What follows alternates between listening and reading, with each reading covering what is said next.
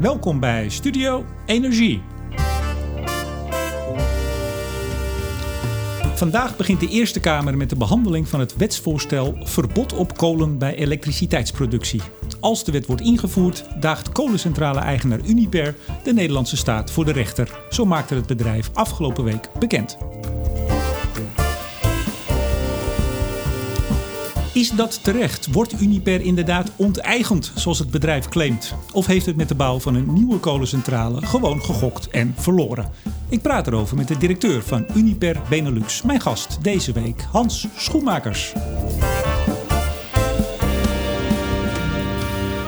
En ook deze uitzending wordt weer mede mogelijk gemaakt door energie- en telecombedrijf Nutsgroep, Team Energie van Ploem Advocaat en Notarissen en netbeheerder Steding. Schoenmakers, hartelijk welkom. Goedemorgen, welkom hier. Dank op uw kantoor in Rotterdam. Uh, ik kwam binnen, veel bruin, veel hout, beetje jaren 80. Ja, nou, het is jaren 90, maar uh, met de smaak van 80. We gaan het hebben over uw kolencentrale, over uh, de rechtszaak. Hij gaat dicht, hij moet dicht. Ik was bij de opening in 2016. Ja. Dat had een feestje moeten worden. Wat vond u van de sfeer? Ja, de, de sfeer die, werd, die, die was op zich goed. Het was, het was op zich wel een, een feestelijk uh, omgeving en uh, mooi ingericht en zo. Maar het begon, het begon natuurlijk een beetje onwerkelijk met wat, wat, wat ongenode gasten. Uh, die, die buiten de poort stonden. Met name Greenpeace, die zwarte champagne schonk. Maar goed, die mogen daar staan, toch? Ja, die mogen daar staan. En dat hebben we ook altijd gezegd. We hebben in de aanloop van de, van de, van de bouw van de centrale ja, genoeg conf, con, confrontaties gehad met, met Greenpeace. En ja, de, de, de NGO's vervullen ook een rol, die moeten ze ook pakken. Het is ook nodig, alleen ja, het concentreerde zich op, op dat evenement. En dat gaf een bepaalde sluier. En ja, mensen die niet genood waren, mochten ook niet naar binnen. En daar, daar ontstond wat sfeer over. Ja, verder was het een, echt een feestelijk gebeuren. Ik dacht dat u ging zeggen dat directeur-generaal Energie van Economische Zaken, Mark Dieriks, toen in zijn speech zei dat er voor kolen, steenkool geen plek is in het toekomstig energiesysteem van Nederland. Ja, dat zou een van de volgende zinnen geweest zijn, inderdaad. Dat, uh, dat heeft hij, uh, dat heeft hij uh, in, in woorden ongeveer van die strekking gezegd. Over domper gesproken als je net de opening viert, voor u dan? Ja, en dat, dat kwam inderdaad wat, wat vreemd over. Het was ook. Nou, het, het was gewoon vreemd hoor. Ja, het was, het was ook vreemd, maar het was zo, sowieso ja, iets wat uh, luguber. Het was ook een heel bijzonder optreden van een uh, artieste. En dat, ja, dat, dat bracht daar wel een bepaalde sfeer. En, en, en die boodschap van. Uh, hoe heet ze ook alweer? Die, uh, ik, ben, nou, ik zit ook te denken, hoe heet ze Ellen van Langer. Nee, Ellen, uh, Ellen ten, ten Damme. Sorry, sorry Ellen. Ellen van Lange doet iets anders. Ja. Ja, die gaf ook een heel bijzonder optreden inderdaad. Ja. Maar, maar het is toch wel gek. Want zou, eerst zou de minister komen of niet? Of zou die sowieso niet komen? Nee, nee. We wisten van begin af, al dan, van begin af aan al dat het uh, Mark Dieriks uh, zou worden. Hmm. Ik, er zou best wel ook gevraagd zijn aan de minister of die dat uh, kon doen. Toen nog minister Kamp uiteraard. Um, maar ook bij onze aandeelhouder, die uh, zeg maar op het hoogste niveau aanwezig was, was die boodschap uh, overgekomen. Dus ja, dat was wat uh, bijzonder. maar, maar ja, we, we, zaten daarbij en we keken ernaar. Ja. Maar op het moment dat. Maar goed, we gaan het zo hebben over, u, hè, over de wet en over ja. de rechtszaak die u wellicht gaat aanspannen. Maar dat was toch wel een teken dat het niet, niet lekker zat met de centrale. Op de ja. Maasvlakte heeft voor de mensen die het niet weten, 2016 is geopend. Een van de drie nieuwste die we nu hebben. Dat, uh, voelde u toen al nattigheid, om het maar simpel te zeggen? Ja, nou ja, we voelden natuurlijk eigenlijk al een beetje nattigheid sinds uh, einde 2015. Ja, toen, uh, toen waren de, de moties, of de, de, motie van, van Stientje van Veldhoven, D66. Uh, waar eigenlijk al werd gesproken over het uitfaseren van kolenvermogen, zoals ja. het toen heette. Met, oproep met om een plan te maken hè, daarvoor? Ja, een oproep aan, uh, aan de minister om dat te doen. En, uh, de, maar er waren verder nog uh, heel weinig bijzonderheden bij, van tegen wanneer dan en condities waaronder. Nou, dat is.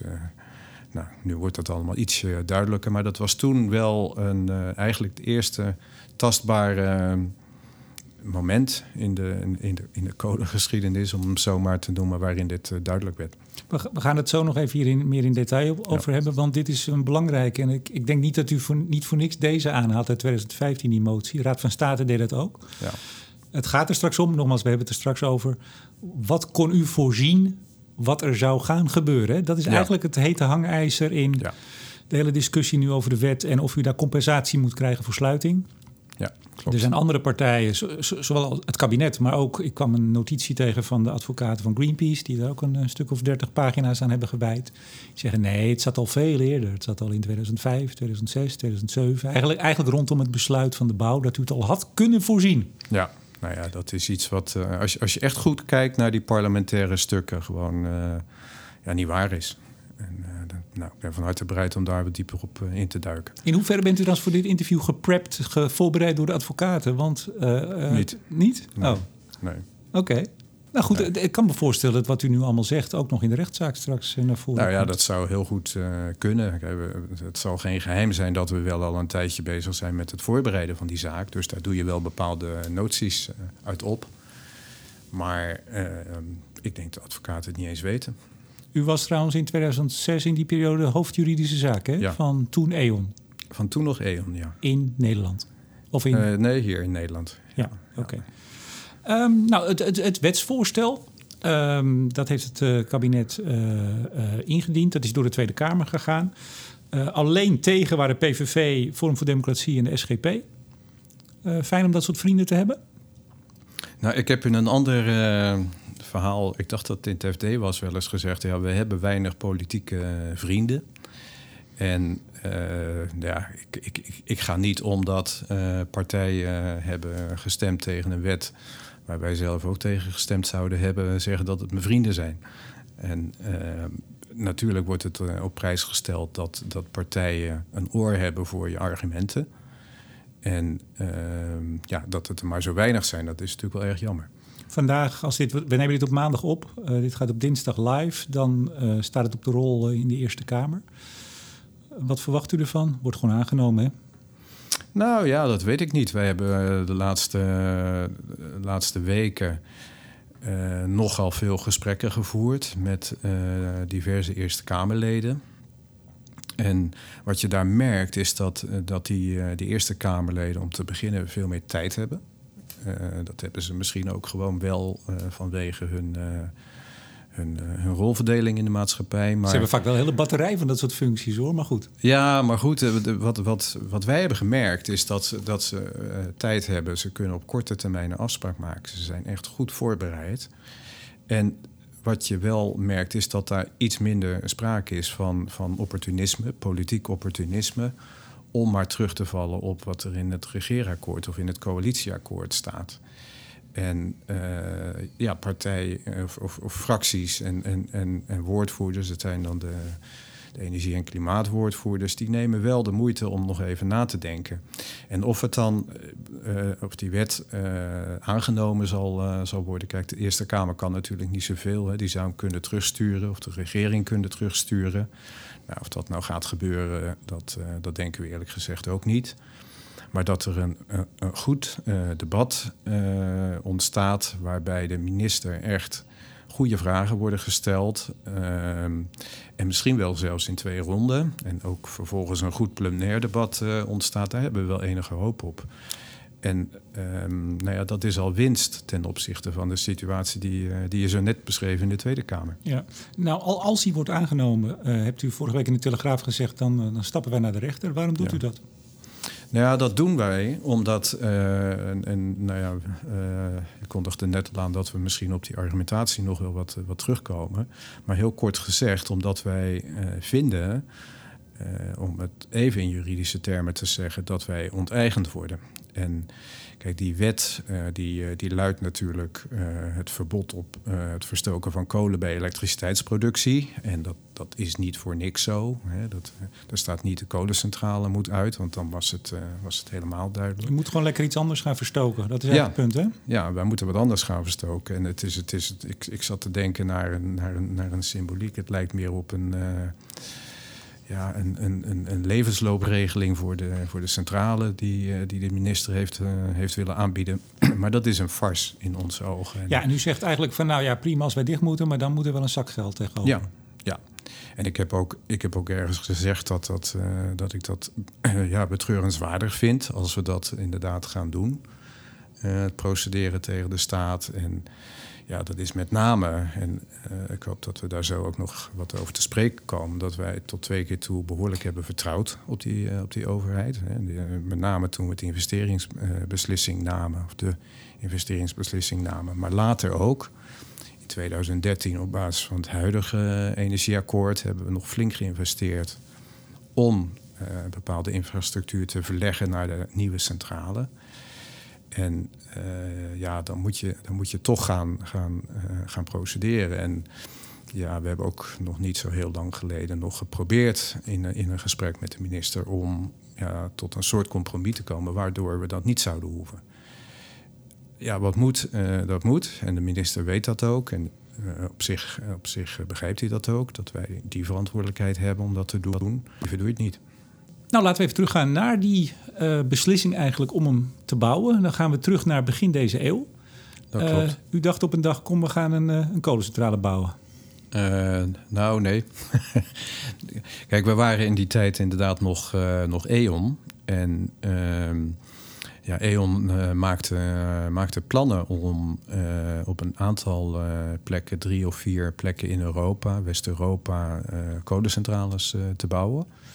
Dus de zogenaamde convoy-gedachte bij, het, uh, bij het bedrijf. En ja, daar kwamen een aantal locaties uh, voor in, uh, die daarvoor in aanmerking kwamen.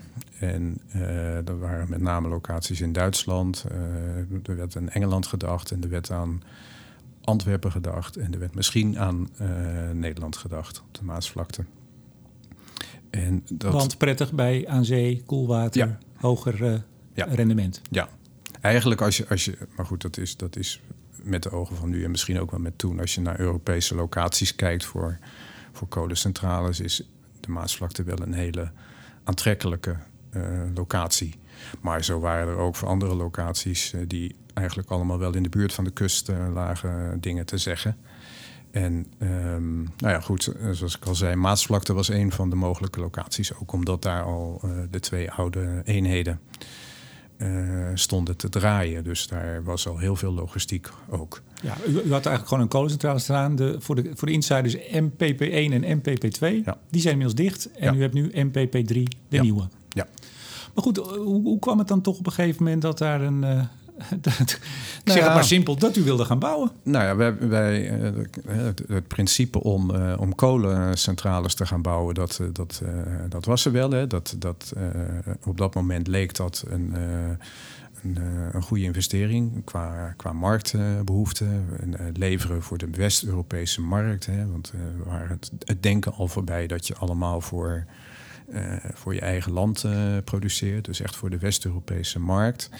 En uh, ja, dan is er binnen zo'n bedrijf gewoon een, uh, een afweging waar zijn dan de beste locaties. En uh, ja, op een gegeven moment, uh, toen werden wij benaderd door, dat, dat, was daarvoor ook al eens gebeurd, maar toen hebben we het steeds afgehouden, door, ja, door het ministerie van uh, ja, kan dat niet hier? Welk jaar zitten we dan ongeveer? Ik denk dat dat 2002 uh, geweest moet zijn. Misschien is dat in dezelfde periode dat er een grote groep of een groep grote industriële partijen in Nederland zo klaagde over de hoge stroomprijs ja. en eigenlijk het plan hadden om zelf desnoods maar een centrale ja. neer te zetten? Ja, dat klopt. Dat, heeft ook nog, dat is ook nog een mogelijkheid geweest om. Uh, ja, dat, was, dat was inderdaad een, uh, wat later het consortium uh, van de zware industrie ging, ging heten. Dat waren een stuk of 10, 11 bedrijven met grote namen daarin.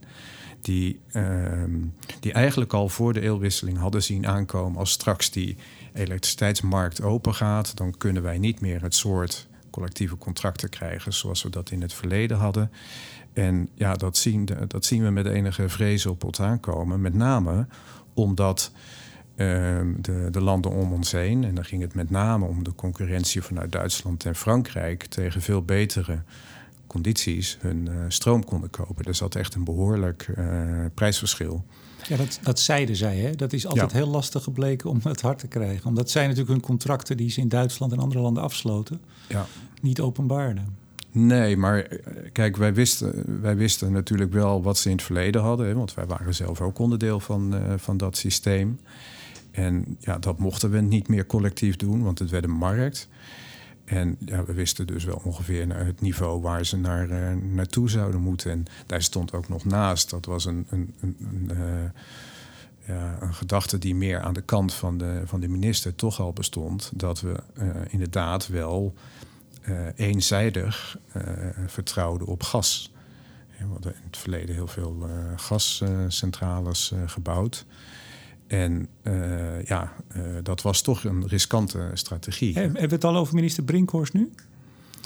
Ja, dat, die notie die kwam al, die, die was al bij minister Brinkhorst. Hij was economisch zakenminister vanaf 2003 in ja. Balken de 2. Ja, maar momenten dat, dat, ja, dat wij de discussie zagen in de politiek en, en dat wij in gesprek raakten, was dat, was dat uh, ja, ook een, een aanleiding voor, voor het ministerie om toch eens uh, na te denken: ja, moeten we die, uh, die brandstofmix niet wat verder diversificeren? Te afhankelijk van gas. Ja. ja. Ik kwam, kwam nog wat, wat stukken tegen uit die tijd. zijn directeur-generaal Energie in die tijd, Gertjan Lankhorst, ja. inmiddels wat andere rollen vervuld en nog steeds actief in energie die ging ook de boer op in 2004 om echt te pleiten voor kolencentrales. Niet zozeer voor uh, centrales uh, en, en, laat het maar aan de markt. Dat heeft D66 nog wel eens verteld daarna.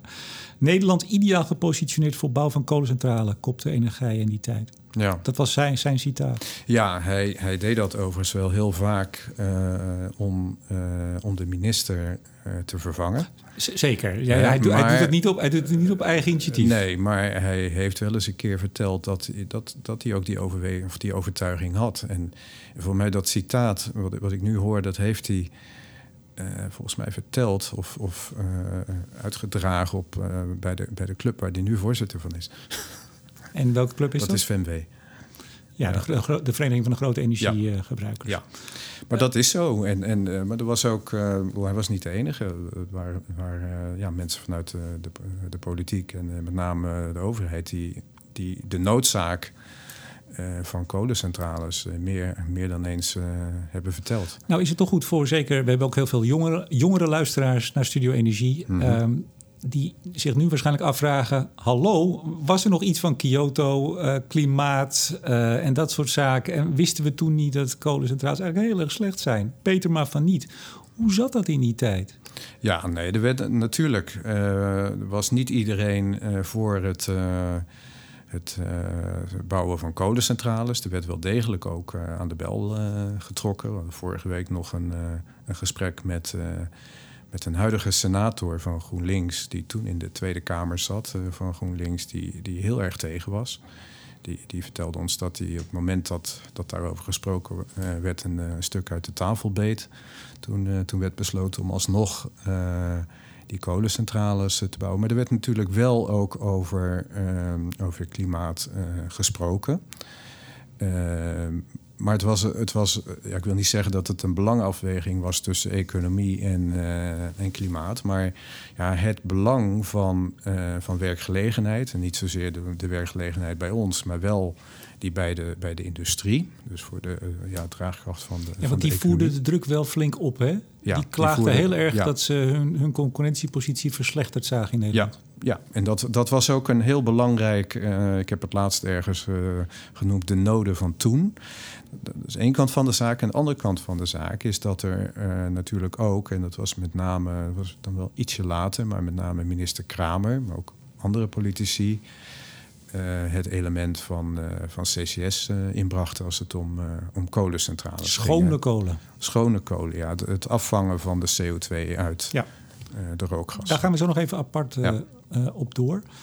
Um, wat was de rol in die jaren, dan hebben we het dus over 2003, 2004... dat er in 2005 iets ging worden ingevoerd, namelijk het ETS. Ja, ja, nou ja, dat, dat, is ook, dat is eigenlijk ook een beetje het derde element uh, op, op, op de vorige vraag. Die, dat, uh, die ETS kwam eraan. En dat is ons ook vaak voorgehouden. Uh, en, en, en ook. Zeg maar, door wie voorgehouden? Door, door de politici. Dat, en, en met name herinner ik me nog ook door minister Kramer. Je moet er wel op rekenen dat de de economische condities voor, voor kolencentrales wel zullen verslechteren. En waar ze dan met name op doelden, was de introductie van ETS. Dus het moeten kopen van, van uitstootrechten en daar ook ja, kopen, dus ook zelf moeten betalen. Maar natuurlijk ook, het is een tijdje geweest dat die rechten gratis werden uitgedeeld, maar die zouden we moeten gaan betalen. Ja, ja de elektriciteitssector betaalt al heel lang, of flink lang, uh, alles. Hè? Ja. krijgen geen gratis rechten meer. Nee. Ehm, maar het ETS werd ook gebruikt om voor het argument, ja, dat, dat rechtenplafond, dat hebben we straks. En of we die centraal nou in Duitsland zetten of in Nederland of in België, dat maakt voor het ETS natuurlijk helemaal niks uit. Nee, dat klopt. En nu zetten ze dus, dat zei we eigenlijk in het begin al, neer voor de Europese markt, niet zozeer voor de Nederlandse. Nee, dat is zo. En dat, dat, uh, ja, we hebben een. Uh, de koperen plaat uh, heet dat dan. Hè? Dus we hebben een, ja, een Noordwest-Europese markt die, die zodanig aan elkaar gekoppeld is dat dat ook ja, gerechtvaardigd is om, uh, om op die manier over de markt na te denken. Ja, u zei in, tweede, of in de Telegraaf, uh, dat speelde in 2006, uh, zei u van nou, Brinkhorst, de minister, zei op een gegeven moment: ik moet de hoogste, van, hoogste baas pardon, van E.ON spreken. Ging dat letterlijk zo? Ja, nou, of het helemaal letterlijk zo is gegaan, weet ik niet. Maar het had, nou, het had in ieder geval wel hetzelfde effect dat, uh, dat uh, de minister uh, Brinkhorst... die werd behoorlijk onder druk gezet, hè, ook door, door de Kamer. Ja, hij wilde eigenlijk liever een, een, wat bemiddelende rol innemen. Maar, maar Kamerleden die zeiden dat hij veel strenger moest zijn. Die moesten echt de bedrijven aanzetten tot het leveren van, van stroom. Maar dan hebben we het, daar hebben we het neem ik aan over, want dat was de coalitie toen, D66 van minister Brinkhorst partij, maar ook VVD en CDA. Ja, maar ook Partij van de Arbeid. Met name Partij van de Arbeid uh, heeft, dat, heeft, dat, heeft dat geroepen naar de minister. Je moet veel harder optreden. In welke zin harder dan? Nou, je moet niet alleen maar de bemiddelingsrol nemen, maar je moet veel meer op de bok zitten. Ik je moet zorgen dat de centrales komen. Nou ja, dat werd, dat werd later zo vertaald. Van dan moeten net dus kolencentrales worden. Want het moest namelijk uh, stroom zijn die op basis van, uh, nou, wij noemen dat dan kolenpariteit in de tarivering. Uh, stroom moesten kunnen leveren. En ehm, ja, die druk die werd zo hoog opgevoerd. En overigens ook door dat, dat uh, consortium uh, uh, wat je net noemde.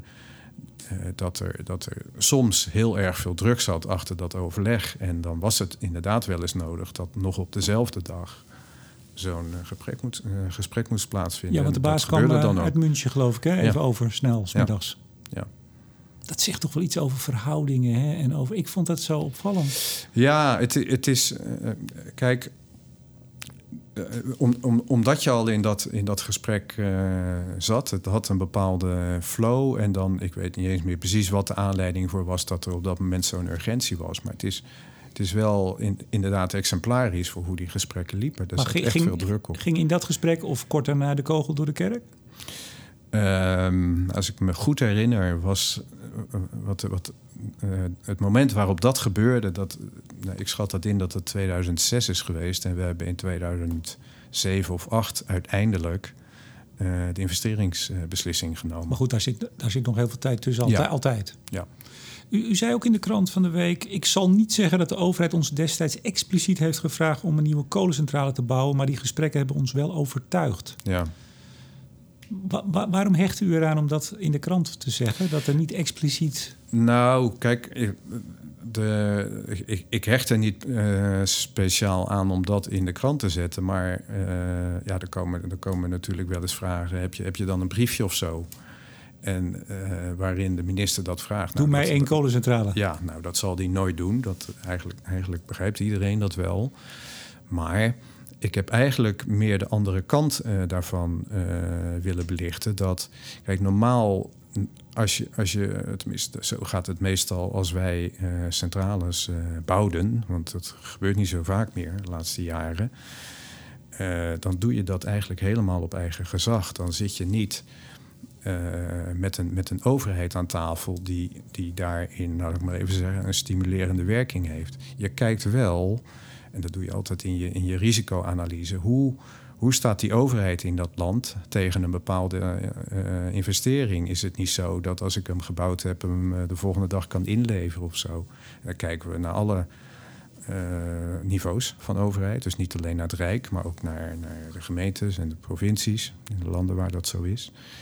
En um, ja, deze gesprekken, en dan niet alleen maar de gesprekken met de overheid, maar in samenhang met uh, de gesprekken met dat consortium. Hè, want uh, Fokker van Duinen was daar de, de onderhandelaar en daar waren ook uh, heel veel gesprekken mee. Die was van Hoogovens toen? Ja, ik weet niet of hij toen nog de baas was van Hoogovens, maar is hij wel geweest. Ja, dat, ja, dat was hij daarvoor. Maar, maar, toch even, u zegt wij maken dan een analyse van... nou ja, als we hem straks bouwen, moet hij dan niet uh, binnenkort volgende dag dicht? Nou, het werd niet de volgende dag, maar toch, het wordt toch vrij kort. Je zou kunnen zeggen, die analyse, uh, dat was dus niet zo heel veel waard. Want ja, wie kan er in de toekomst kijken? Hè? Prachtige analyses, maar de wereld verandert uh, snel. Althans, zeker als je iets voor 40 jaar minimaal bouwt... en je moet al naar, naar 14 jaar dicht... Is er ooit gesproken in die tijd, u was ook hoofd juridische zaken nogmaals, van deze zou wel eens niet 40 jaar kunnen gaan halen? Nee, want dan zouden we hem niet gebouwd hebben. U was er vol van overtuigd dat hij 40 jaar minstens zou staan en draaien. Ja, ja. kijk. Uh... Maar, maar, sorry, ja, maar, nee, maar dat, dat. Want u zei net van nou, er was heel veel steun voor, dat klopt, maar er was ook heel veel verzet, dat zegt u ook. Uh, maar er kwam natuurlijk van alles aan. Hè, klimaat kwam op. Ik uh, bedoel, niet zoals we er nu al in staan, maar in al die analyses die je dan maakt als bedrijf, want het ging om anderhalf miljard? Nou, iets meer nog. Meer zelfs? Ja. Wat is iets meer? Ja, ik denk dat het uh, 1,6, 1,7 is geweest. Nou ja, zwaar. Ja. Beetje meer. nou, ja. Uh, um, ja, dan, dan, dan kijk je toch van jongens, gaan, gaan we dit redden? En u was dus echt in de volle overtuiging toen E.ON dus uh, dat het wel ging lukken. Ja, en, en uh, kijk, ook E.ON uh, was toen een, een, uh, een vrij conservatief bedrijf als het gaat om, om investeren. Dus er werd echt wel goed naar gekeken. En natuurlijk ook onze collega-bedrijven. Hè? Want wij zijn, ze nou de enige waren geweest. Ja, RWE en toen GDF Suez. Ja. Nu uh, Engie ja. en nu alweer uh, alweer verkocht. Maar goed, ja. met z'n drietjes. Allemaal zo'n beetje gelijktijdig namens die beslissing. Nou, dan zijn we collectief uh, een beetje van het pad geweest. Nou, wellicht. Ja, u zegt het zou het. kunnen, het zou kunnen, maar uh, we, hadden, we, we hadden toen uh, absoluut niet die overtuiging. En kijk, het bijzondere was natuurlijk dat. Um, uh, ik, ik, zal, ik zal niet ingaan op de bijzonderheden van, van, van dat contract met het consortium. Maar als je in je, in je nou, dat risico... zou ik nou wel leuk vinden natuurlijk. Dat ja, dat begrijp ik. maar dat vinden al die andere bedrijven misschien minder leuk. Maar als je, als je voor zo'n besluit staat, hè, we hebben net dat bedrag van die investering uh, laten horen. Um, en je weet dat je, dat je van de output van die centrale eigenlijk al de helft hebt uh, weggezet. Eigenlijk heb je daarmee een soort hedge. Ja, dan wordt, dan wordt de, het besluit om te investeren natuurlijk wel aantrekkelijk. En ja. Um, nou ja, dat, dat, is, dat is ook wat ik heb, heb uh, bedoeld aan te geven. Van, ja, als je dat soort gesprekken voert en, en, en, en gewoon ook, ook ziet uh, dat, er, dat er echt een uh, noodzaak is om dat te doen en gestimuleerd wordt op deze manier, ja, dan heeft zo'n, of dan hebben die gesprekken ons wel overtuigd om die investering te doen. Nou, nou zie je dat uh, zowel aan de kant zeg maar, van het kabinet, maar ik noem net al even die, die notitie van de advocaat van Greenpeace. Er zijn natuurlijk meer partijen die ernaar gekeken hebben en die dan ruim uh, uh, aanhalen en citeren uit uh, parlementaire stukken in die tijd.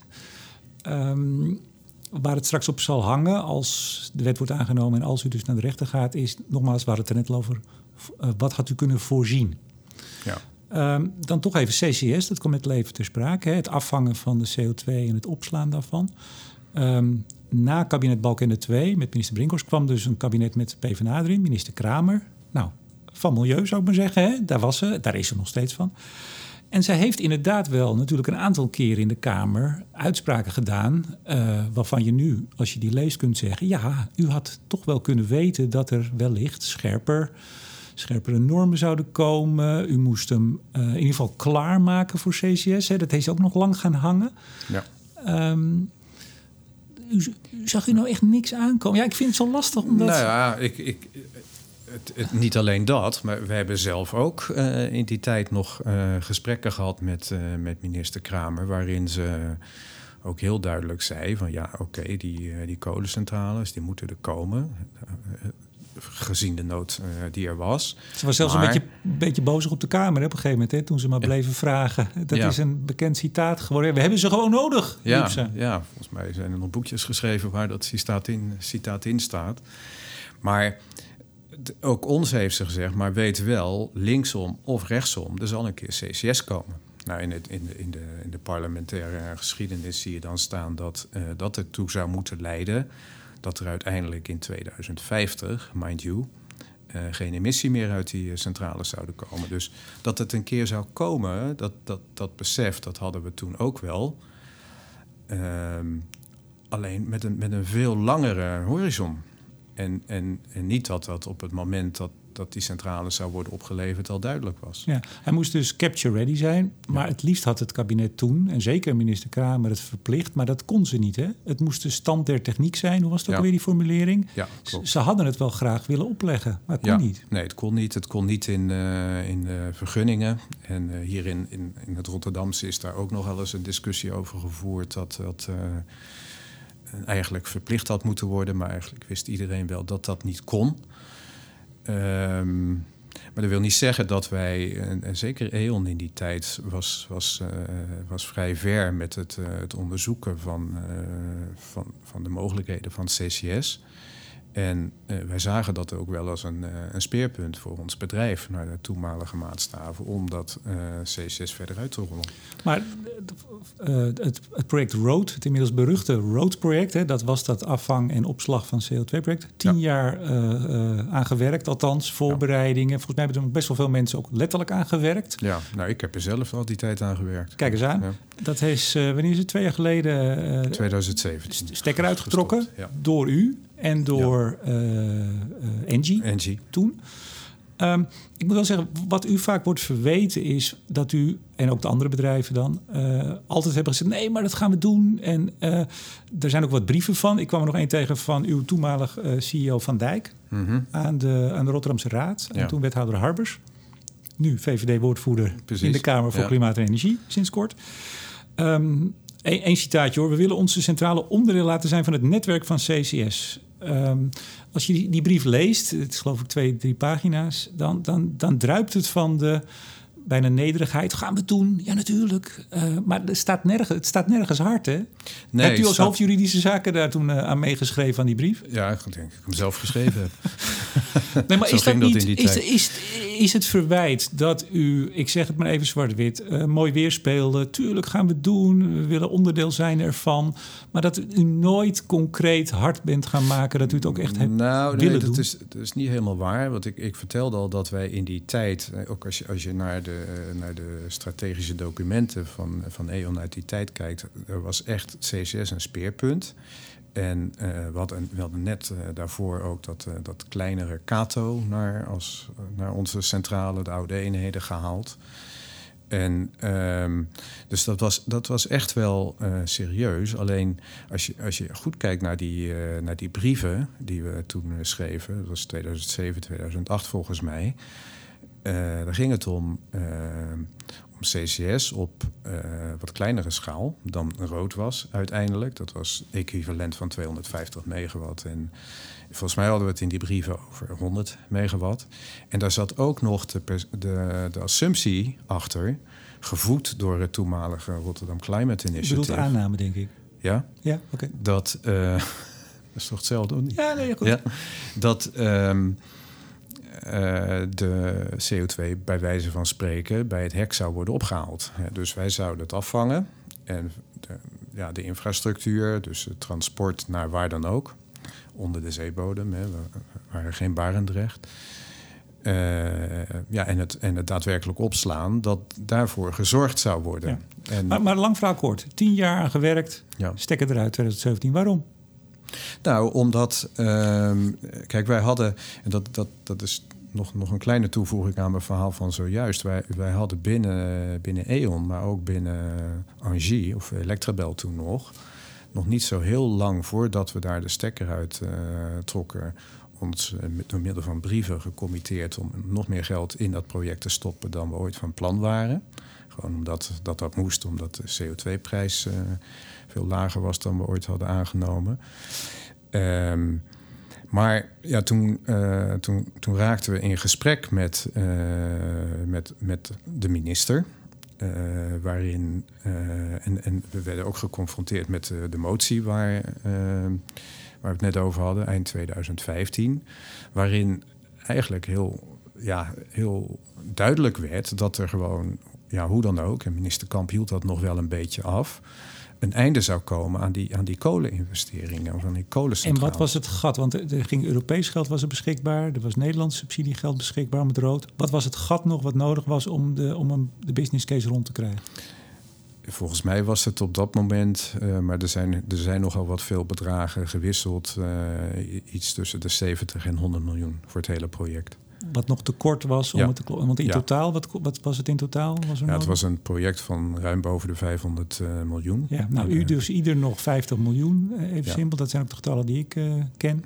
Ja. En daarvan zei u, nou nee, dat... eh, Nou ja, dat, dat ging niet zozeer. Op dat moment ging het niet eens zozeer meer om die, eh, om die bedragen, maar om het feit dat eh, er toen een situatie werd gecreëerd waarbij het mogelijk eh, die centrale na nog eerder dan nu al dicht zou moeten zijn. u dacht, we gaan er niet nog eens geld achteraan Nee. gooien. Nee, en dat, dat was toen, dat heeft de deur dicht gedaan.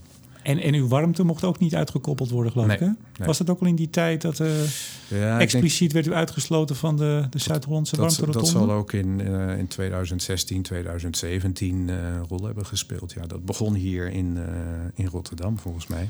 Dus u en zei, later, later ook in Den Haag. ja, dus, dus de politiek zei, vooral toen de PvdA in, die, in 2006, in die periode 2007 vooral... ehm, capture ready. Nee, het gaat goed komen. We gaan het afvangen. En dus eh, kunnen wij er wel achter gaan staan. Is nooit gebeurd.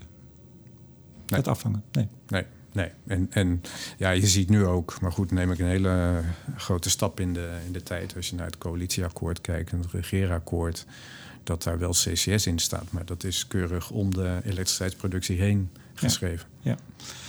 Nou ja, toen kwam inderdaad die coalitie. eh, 2017. En die hadden een mooi coalitieakkoord. En het, eh, het, het stond er vrij simpel, hè? Eh, de kolencentrales moeten uiterlijk in 2030 30 Ja. gesloten zijn. Ja. Zag, had u die zien aankomen? Nee.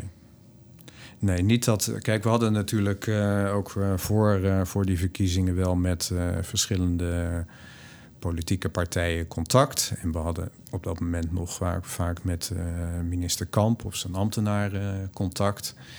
En dat er zo'n eh, ja, zo'n zo'n ja, bocht genomen zou worden naar dit drastische standpunt. Dat hadden we niet aanzien komen. Niet iemand die zei van tevoren, Hans, er komt misschien iets vervelends aan volgende week. Nee.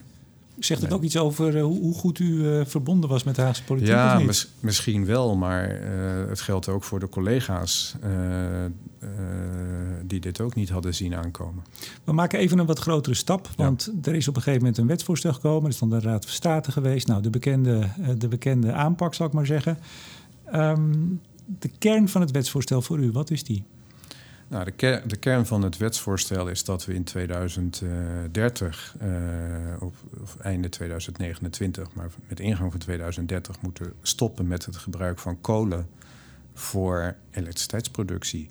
Zonder dat daar een eh, vergoeding tegenover staat. Ja, en er is, er is, want ik heb nog wat juristen, er zijn wel inmiddels meerdere juristen over gebogen wat Ja. nou de, de status is en, en of het allemaal wel kan. Eh, die zeggen, nou op zich kan het. Het is ook geen onteigening. U heeft het ook over de facto onteigening. Hè? Ja. Het is regulering van eigendom. Er moet een groot algemeen belang zijn. Nou, ik denk dat we kunnen vaststellen dat dat er wel is. Nou ja, kijk, dat, dat, dat hebben we ook al vaker gezegd. Als, als nu eh, het idee is van, ja, we hebben een, een, een uitermate groot maatschappelijk belang, namelijk dat heet klimaat, dan, dan, dan is dat een eh, gegeven. En eh, ik geloof dat ook de Raad van State nog gezegd heeft dat dat een, een, een, een, ja, een terecht belang is. Eh, maar dat wil niet zeggen dat eh, de verandering van dat inzicht in een toch ja, voor ons eh, vrij korte periode, de, de overheid die dat doet, of de politiek die dat doet, maar ja, je spreekt de overheid aan, dat die daarmee niet schadeplichtig wordt. Ja, want er, daar moet er sprake zijn. Er is, het gaat over een evenredigheidstoets. Er moet er sprake zijn van fair balance. Nou, u, Ja. u, u bent jurist, neem ik aan, van huis uit. Ja, Eh, u kent dat beter dan ik. Ehm, er is een, een lange periode gekozen, die, die 11, 12 jaar, zodat u nog wat centjes kunt verdienen. En dat zou dan die fair balance moeten zijn, dat het toch eh, wel evenwichtig is. En daarom is er ook geen compensatie nodig. En daar Ja. maakt u bezwaar tegen. ja. Ja, nou om te beginnen is die, uh, die periode uh, van, uh, van 10, 11 jaar natuurlijk veel te kort. er wordt wel eens de ver vergelijking gemaakt met een pelsdierfokkerij-arrest. Ja, dat is echt een hele andere business. iedereen wist, inclusief de politiek waar we het net over hadden, dat als je zo'n investering doet, dan doe je hem voor minimaal 40 jaar. En ja, als je dan toch na 10 jaar dicht moet, dan Um, ja, dan is dat veel te kort. En die tien jaar, die is naar onze vaste overtuiging ook niet zozeer gekozen omdat dat een mooie uh, periode is. Nee, die, uh, dat is gekozen omdat je dan uitkomt in het jaar waarop de 49% doelstelling gehaald moet ja, zijn. Maar het zal dus allemaal gaan hangen op, kon u dit voorzien? enigszins. Ja. U, hangt, u houdt vast aan die 2015, die motie van onder andere van Veldhoven. Ja, dat is ook wat de Raad van State gezegd heeft trouwens. Ja, dat, ja. daar bent u blij mee, hè, denk ik. Ja, daar ben ja. ik blij mee. Ja. Maar, maar ja, het, het, er waren toch al veel eerder inderdaad aanwijzingen. Nee. Nou ja, kijk, er, er zijn, goed, er zijn altijd... Niet, dat heb ik net al over gehad, we hoeven het ook niet over te doen. Maar daar gaat het dus om hangen, hè? Ja. Had u dit kunnen voorzien met enige... En dan is die 12 jaar weer niet zo kort. Nee, maar ja, nou goed, wij, wij zeggen inderdaad dat we dat niet, uh, niet hadden kunnen voorzien. Maar er zit natuurlijk nog een, een, een element in die, uh, in die wet. Hè, die, die is niet voor niets uh, geformuleerd zoals die is geformuleerd. En dat is ook wat de minister heeft ja, uitgelegd in het debat met de Tweede Kamer ergens eind juni. Dat dat hij ervan uitgaat, en ook, dat lees je ook terug in de memorie van toelichting trouwens, dat dat die centrales op een andere manier kunnen worden aangewend, namelijk door de ombouw naar biomassa. Ja, biomassa, waterstof, ammoniak. Ja, um, biodiesel kwam ik zelfs tegen. Zou iets kunnen zijn. Wat was dat? Biodiesel. Oh, biodiesel, ja, natuurlijk. Ehm, maar ik, ik dacht, waarom... Want u hebt een studie laten maken over biomassa. Dat, dat zo nog even. Maar waarom kunt u niet gewoon op gas over? Of is dit een leke opmerking? Nou, theoretisch kan het, hè? want uh, toen, uh, heel lang geleden toen ik begon te werken, toen, uh, toen gingen we een gascentrale ombouwen op kolen. Dus andersom kan het ook. maar dat is wel heel erg duur, want ja, het grootste deel van je centrale zul je dan helemaal overnieuw moeten bouwen. Maar kost dat? Dat kost denk ik ook wel in de orde van, van een dikke miljard. Echt waar? Ja. Nou, dan noem ik het geen ombouwen meer. Nee, het is het. Is het uh, maar ja, kijk. In, hebt u dat toen tijd, ook gedaan bij die vorige ja, ombouw? Dat hebben we toen ook. Dat kostte toen 1,2 miljard gulden. Bij ons. In Borselen deden ze precies hetzelfde. Maar ja, dat waren kosten.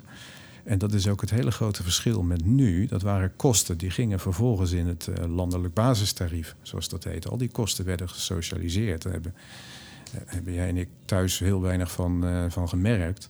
Dat gebeurde wel. En nu als je dat zou doen, dan wordt dat bonnetje bij ons neergelegd. Dat is het grote verschil. Ja. Even die biomassa. Je hebt een studie laten maken door Frontier Economics. Ja. Om uh, eigenlijk te kijken van nou ja, wat het kabinet zegt. Namelijk, u kunt gewoon op biomassa over, meneer Schoenmakers, niet zo zeuren. Ja. uh, of dat kan. Nou, raar, wat is de conclusie? Het kan niet, ja. zegt het rapport. Althans, u, u, zit geloof ik twaalf jaar in de, in de min, in het verlies. Ja. En pas na 2042 komt er een plusje. Dat klopt. Kortom, totaal niet, uh, niet te doen. Nee, het is, het is geen, het is geen uh, business case, uh, zo, zoals dat heet. Sterker nog, het is een, een hele negatieve business case. Ja, maar nou zag ik, misschien kent u mij een heel klein beetje, maar die rapporten, ik word er soms een beetje moe van. Ik, ik had hem niet eens hoeven lezen, want ja, u, u, u bestelt een rapport en daar komt uit, het, het, het kan niet uit. Als je ziet wat voor aannames daaronder moeten zitten, over elektriciteitsprijs, ETS-prijs zoveel variabelen. Je, je kunt dit toch gewoon helemaal niet vaststellen. Nee, dat, dat, klopt. En dat, dat, is, dat is een hele terechte, terechte opmerking. Alleen wat wij hebben gedaan, we hebben aan dat, uh, aan dat bureau, Frontier Economics, gevraagd: gebruik nou dezelfde uh, aannames en dezelfde modellen. Zoals je ook hebt, hebt gebruikt voor, uh, voor de staat. Toen, toen je de staat adviseerde over de CO2-minimumprijs. Dus ga niet nieuwe dingen ik heb ook helemaal niet, niets verteld over wat, uh, wat al die prijsniveaus moesten zijn. Neem gewoon hetzelfde aan.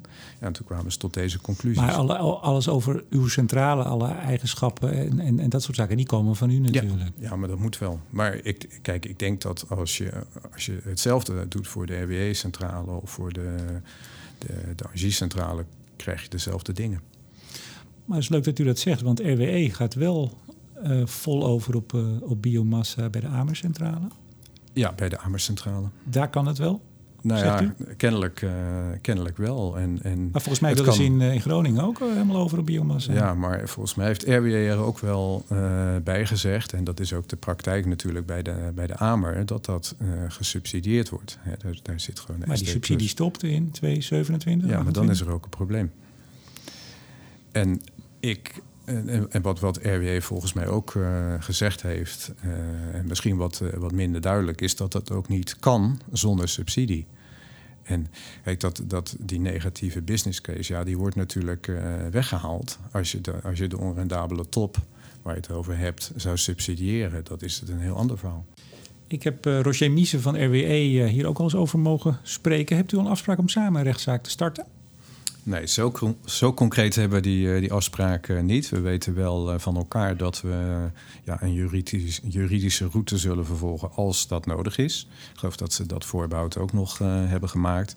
Ja, en dan gaan we elkaar ongetwijfeld tegenkomen omdat we dan waarschijnlijk ook wel bij, bij dezelfde colleges zullen uitkomen. Want die, uh, nog, nog heel even over die alternatieven toch. Ik zei net uh, uh, biodiesel, nou, er komt voor alles, waterstof, ammoniak. U bent gewoon met ijzerpoeder bezig. Ja. Dit valt allemaal onder de, onder de noemer is niet te doen, onhaalbaar. Ja, nou ja, wat, wat een, de grootste gemene delen van al die mogelijkheden is... waterstof, ik weet niet of dat in je lijstje voorkwam, daar, daar kijken we ook naar. Maar dat is allemaal niet op deze schaal beschikbaar in 2030. En dat is, dat is gewoon uh, het heikele punt. En nog even afgezien van, uh, van wat bijvoorbeeld waterstof kost. En uh, overigens, overigens zullen we ook nog specifiek naar waterstof gaan kijken.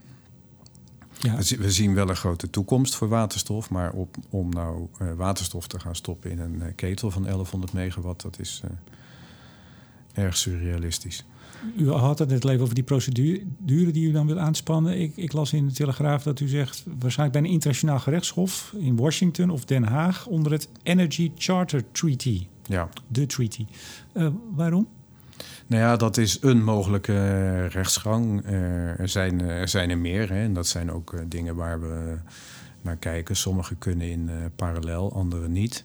Maar dit is een specifiek uh, verdrag dat er is om uh, juist voor dit soort situaties waarin ja, multi nationale ondernemingen ja, investeringen doen in een, eh, in een ander land en dan vervolgens, uh, ja, zeg maar even, worden onteigend. En daar is dit voor.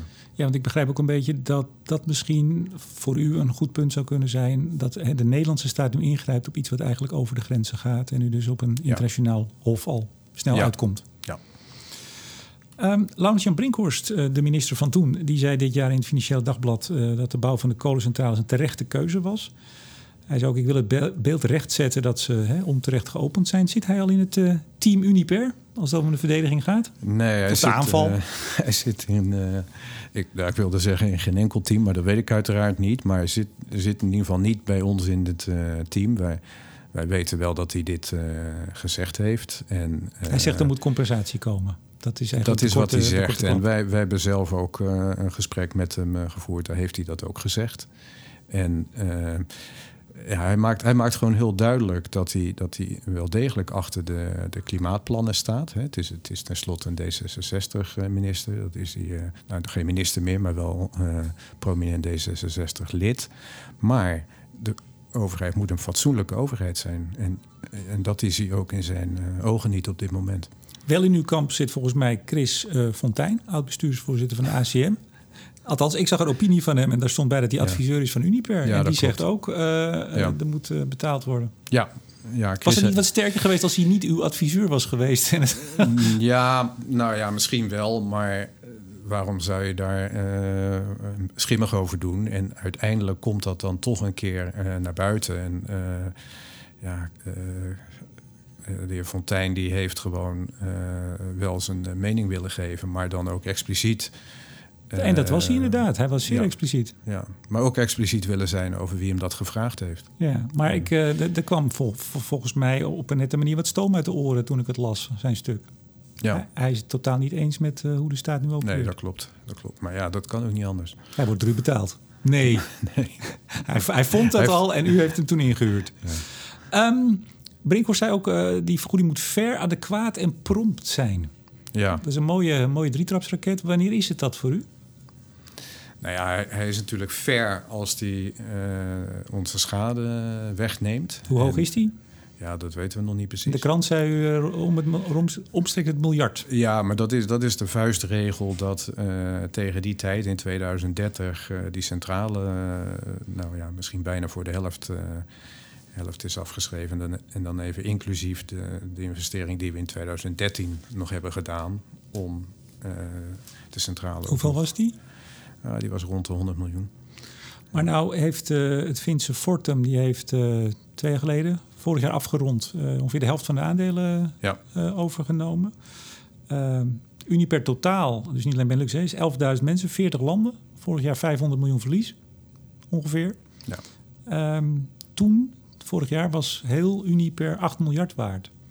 Is dan omstreeks 1 miljard voor deze ene centrale? Is dat niet wat tikje veel? Ja, maar ik heb, ik heb me laten vertellen door, uh, door, de, door, de, door de mensen die, uh, die bij ons dacht, bedrijf zeggen minister. Nee, nee we laten ons niks meer vertellen. Oei. maar uh, door, de, door de financiële mensen die daar verstand van hebben... dat je ja, die vergelijking, die, moet je niet, die moet je niet trekken. Want kijk, toen toen Fortum, uh, of sorry, toen Uniper naar de beurs ging in 2016 was het, dacht ik. Toen was het ergens tussen de 2 en 3 miljard waard. En dan is het nu, of toen was het 8, het is inmiddels nog wat meer. Dan, dan zou je dus ook moeten redeneren dat die centrale keer 4, keer 5 is gegaan. En ja, zo werkt het kennelijk niet bij, maar, maar nou heeft Engie, of zo zei uh, Angie natuurlijk hè, op zijn Frans, ja. uh, die heeft uh, de spulletjes verkocht aan Riverstone. Ja. weet u voor hoeveel die op de Maasvlakte ging? Nou, ik weet niet wat, wat de prijs is geweest voor de, voor de centrale op Maasvlakte. Want het was natuurlijk een pakketje hè, van, van vier centrales. Maar toch in de wandelgang toch wel een idee wat die, wat die waard was? Nou, ik, als, als ik zou moeten zeggen wat die waard was, dan is het een bedrag dat veel hoger is dan wat ze ervoor gekregen hebben. Maar, dat vermoeden had ik al. Maar Ehm, kijk, je weet het natuurlijk nooit helemaal. Hè? Want je, je, hoort een bedrag. Dat bedrag dat, dat heeft ook op verschillende plekken uh, wel gestaan. Nou, dat is voor een pakketje. Dat, dat, dat daar kunnen nou, zeg het nog even voor degene die het niet gezien heeft. Sorry? Zeg het nog even, dat Ik bedrag. geloof dat het 250 miljoen was. Om en nabij. Habbekrats. Dat? Een habbekrats. Dat is een habbekrats. Maar uh, dat is nogmaals, dat is de, zeg maar de, de uiterlijke waarde van dat bedrag. En je weet niet wat daar nog achter schuil gaat. Iets, en, uh, iets, iets, heel anders even, maar dat uh, weet u vast misschien wel of niet. Hemwegcentrale, die gaat eind dit jaar dicht. Ja. Enig idee wat daar nou geschoven is door het kabinet aan centjes? Nou, ik weet niet of er überhaupt al iets geschoven is. Daar kijken we natuurlijk wel heel erg goed naar. De, maar toch ook hier weer in de wandelgang, klein wereldje dan heb je toch wel een idee hoe dat gaat. Nou ja, ik weet wat er, waar in het verleden wel eens over, uh, over gesproken is. 50 miljoen. Ja, maar en daarvan heeft uh, Vattenval op een gegeven moment gezegd, maar dat is niet genoeg. Dus het zal iets meer zijn dan dat. Nee, ik had, uh, ik had de vertegenwoordiger in de uitzending en die zei: Nou, maar nou gaan we ook niet meer dicht. En toen zei ik: Ja, maar als er nou nog met wat geld komen. Nee, we gaan niet dicht. Nou ja. ja maar dat was voor het besluit. Ja, okay. ja, precies. Ja. Nog even tot, tot slot een paar dingetjes nog. Um, u hebt aangeboden van: nou ja, oké, okay, misschien moeten we maar in een soort uh, capaciteitsmechanisme constructie gaan staan. Namelijk, dan staan wij gewoon bereid en, en klaar om bij te springen op het moment dat al dat zon en wind het toch niet redt. U hebt daar twee voorstellen voor gedaan. Uh, dat u dan tot 2040 open blijft als achtervang. Hè? Uh, dat kost 100 miljoen vanaf 2030 om klaar te staan. En als we dan zeggen, meneer Schoenmakers, aan de slag. Dan betaalt u de opwek, maar ook de, de opbrengst uh, krijgt u dan van de stroom. Ja. Um, en u heeft een tweede voorstel om toch van biomassa uit te gaan. En dat zou 150 miljoen per jaar kosten. Ja, het was eigenlijk één voorstel in, in verschillende varianten. Dat, dat is wat ik net bedoelde. Kijk, we hebben, we hebben zo'n voorstel gedaan, mede ook om te kijken, kunnen we uit de juridische strijd uh, wegblijven? En nou, de minister zei, ach, ik heb niet zo behoefte aan. Hè? Nee, de minister heeft op dat moment gezegd van de, de, de rapporten van, uh, van Frontier, die wijzen er niet op dat er een leveringszekerheidsprobleem uh, zal ontstaan. Daar hebben wij nogal twijfels over. En zeker op gezet, waarschijnlijk niet door het hele jaar, maar wel op bepaalde momenten. En dan kan je maar beter iets achter de hand hebben. Maar dan als kolencentrale achter de hand? Of als... Nou ja, of biomassa. Dat, dat is... Maar kolen kan toch al niet meer? Want het, het nee, is nou ja, kolen, wet, dus... Kolen kolen kan inderdaad ook niet meer. En daar, daar zou je de wet voor moeten aanpassen. met biomassa zou je de wet niet hoeven, hoeven aan te passen. Maar kijk, de, de redenering is natuurlijk ook van, ja, waar gaat het nou eigenlijk om? Het gaat om het verminderen van CO2-uitstoot. En zo'n centrale in, in zo'n situatie zal heel erg weinig draaien. Dus ja, je gaat sowieso veel minder CO2 uitstoten. Nog even los van of, of de minister misschien of een volgend kabinet of het kabinet daarna, misschien zijn we wel drie, vier kabinetten verder uh, in 2030, wat die dan ook besluiten. Maar stel nou even dat het, uh, nou u komt er niet uit, u krijgt misschien wel of niet een zakje geld. Wordt er dan echt begonnen met de afbraak van zo'n enorm complex uh, op 1 januari 2030? Nou ja, kijk, wij, zitten niet voor niets in, in, de, in de onderzoeken naar allerlei alternatieven voor die centrale. En tegelijkertijd kijken we ook naar wat is er nou nog meer nodig, mogelijk op die locatie. Hè? Want het, we zijn natuurlijk geneigd om echt naar die, naar die installatie te kijken. Maar die, uh, de locatie is echt gigantisch. Hè? We zijn daar een spin in het web, in de in industrie. En er zijn ook allerlei ideeën uh, voor verdere ontwikkeling van biochemie en uh, noem maar op. En dan kijken we natuurlijk wel wat voor rol we daar kunnen spelen.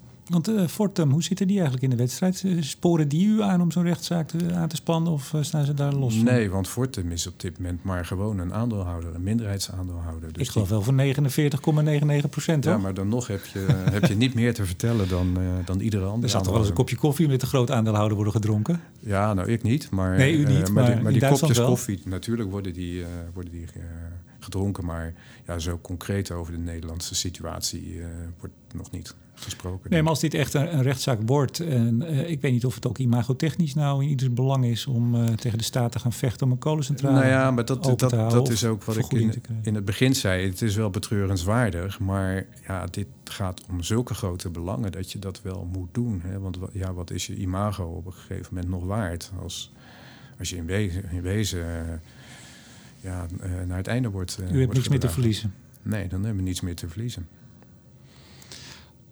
Als u nou tot 2056 uh, zou mogen doordraaien, de, denkt, hè, dat even hypothetisch, denkt u dan dat het met die stijgende ETS-prijs, et cetera, dat het überhaupt uh, zou kunnen? Zou u niet sowieso al uit de markt worden gedrukt?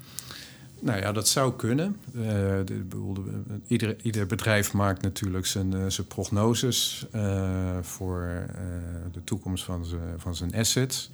Dan zie je natuurlijk wel dat er dat er druk uh, op uh, blijft staan. Maar als je natuurlijk ook parallel aan het onderzoek wat, wat Frontier heeft gedaan voor biomassa, hebben daar ook naar laten kijken. En dan is dat gewoon nog een winstgevend scenario.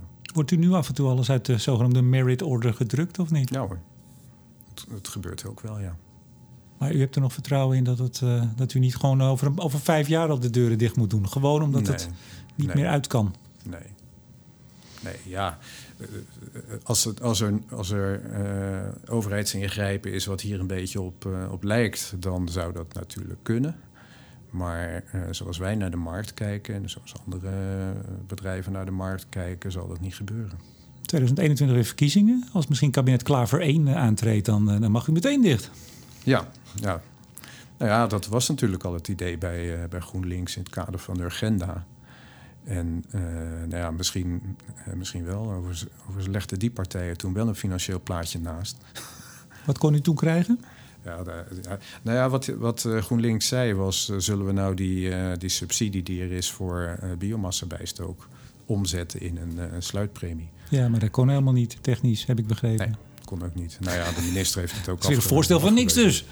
Ja, maar goed, ja, je, kunt, je kunt zeggen dat er creatief is nagedacht. Ja, ja, nee, het was geoormerkt. Hè? Je mag het dan niet aan iets anders geven. Het moet dan in. Uh, nou goed, anyway.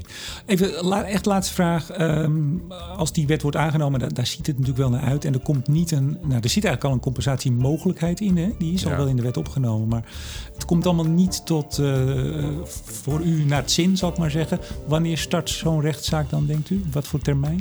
Nou, vrij kort, uh, een beetje afhankelijk van welke procedure het dan wordt, maar vrij kort nadat de, de wet in het staatsblad uh, is gepubliceerd. Maar wanneer, wanneer, denkt u dat dat. Uh... Ja, we denken dat dat. Nou ja, dat zal nog dit jaar zijn, omdat die, de, de Hembergcentrale, waar, waar ik het net over had, ehm, die moet, dat moet op 1 januari worden geëffectueerd. Dus dan moet die wet er zijn. Ja, dus 2 januari zien we u rechtszaal. rond die datum zal dat gebeuren, ja. Hans Schoenmakers, directeur van Uniper Benelux, hartelijk dank voor het gesprek. Graag gedaan. Bedank ook deze week weer energie- en telecombedrijf Nutsgroep, Team Energie van Ploem Advocaat en Notarissen en netbeheerder Stedin voor het mede mogelijk maken van deze uitzending. En uiteraard bedank ik jou, beste luisteraar, voor het luisteren. Mijn naam is Remco de Boer. Graag tot volgende week.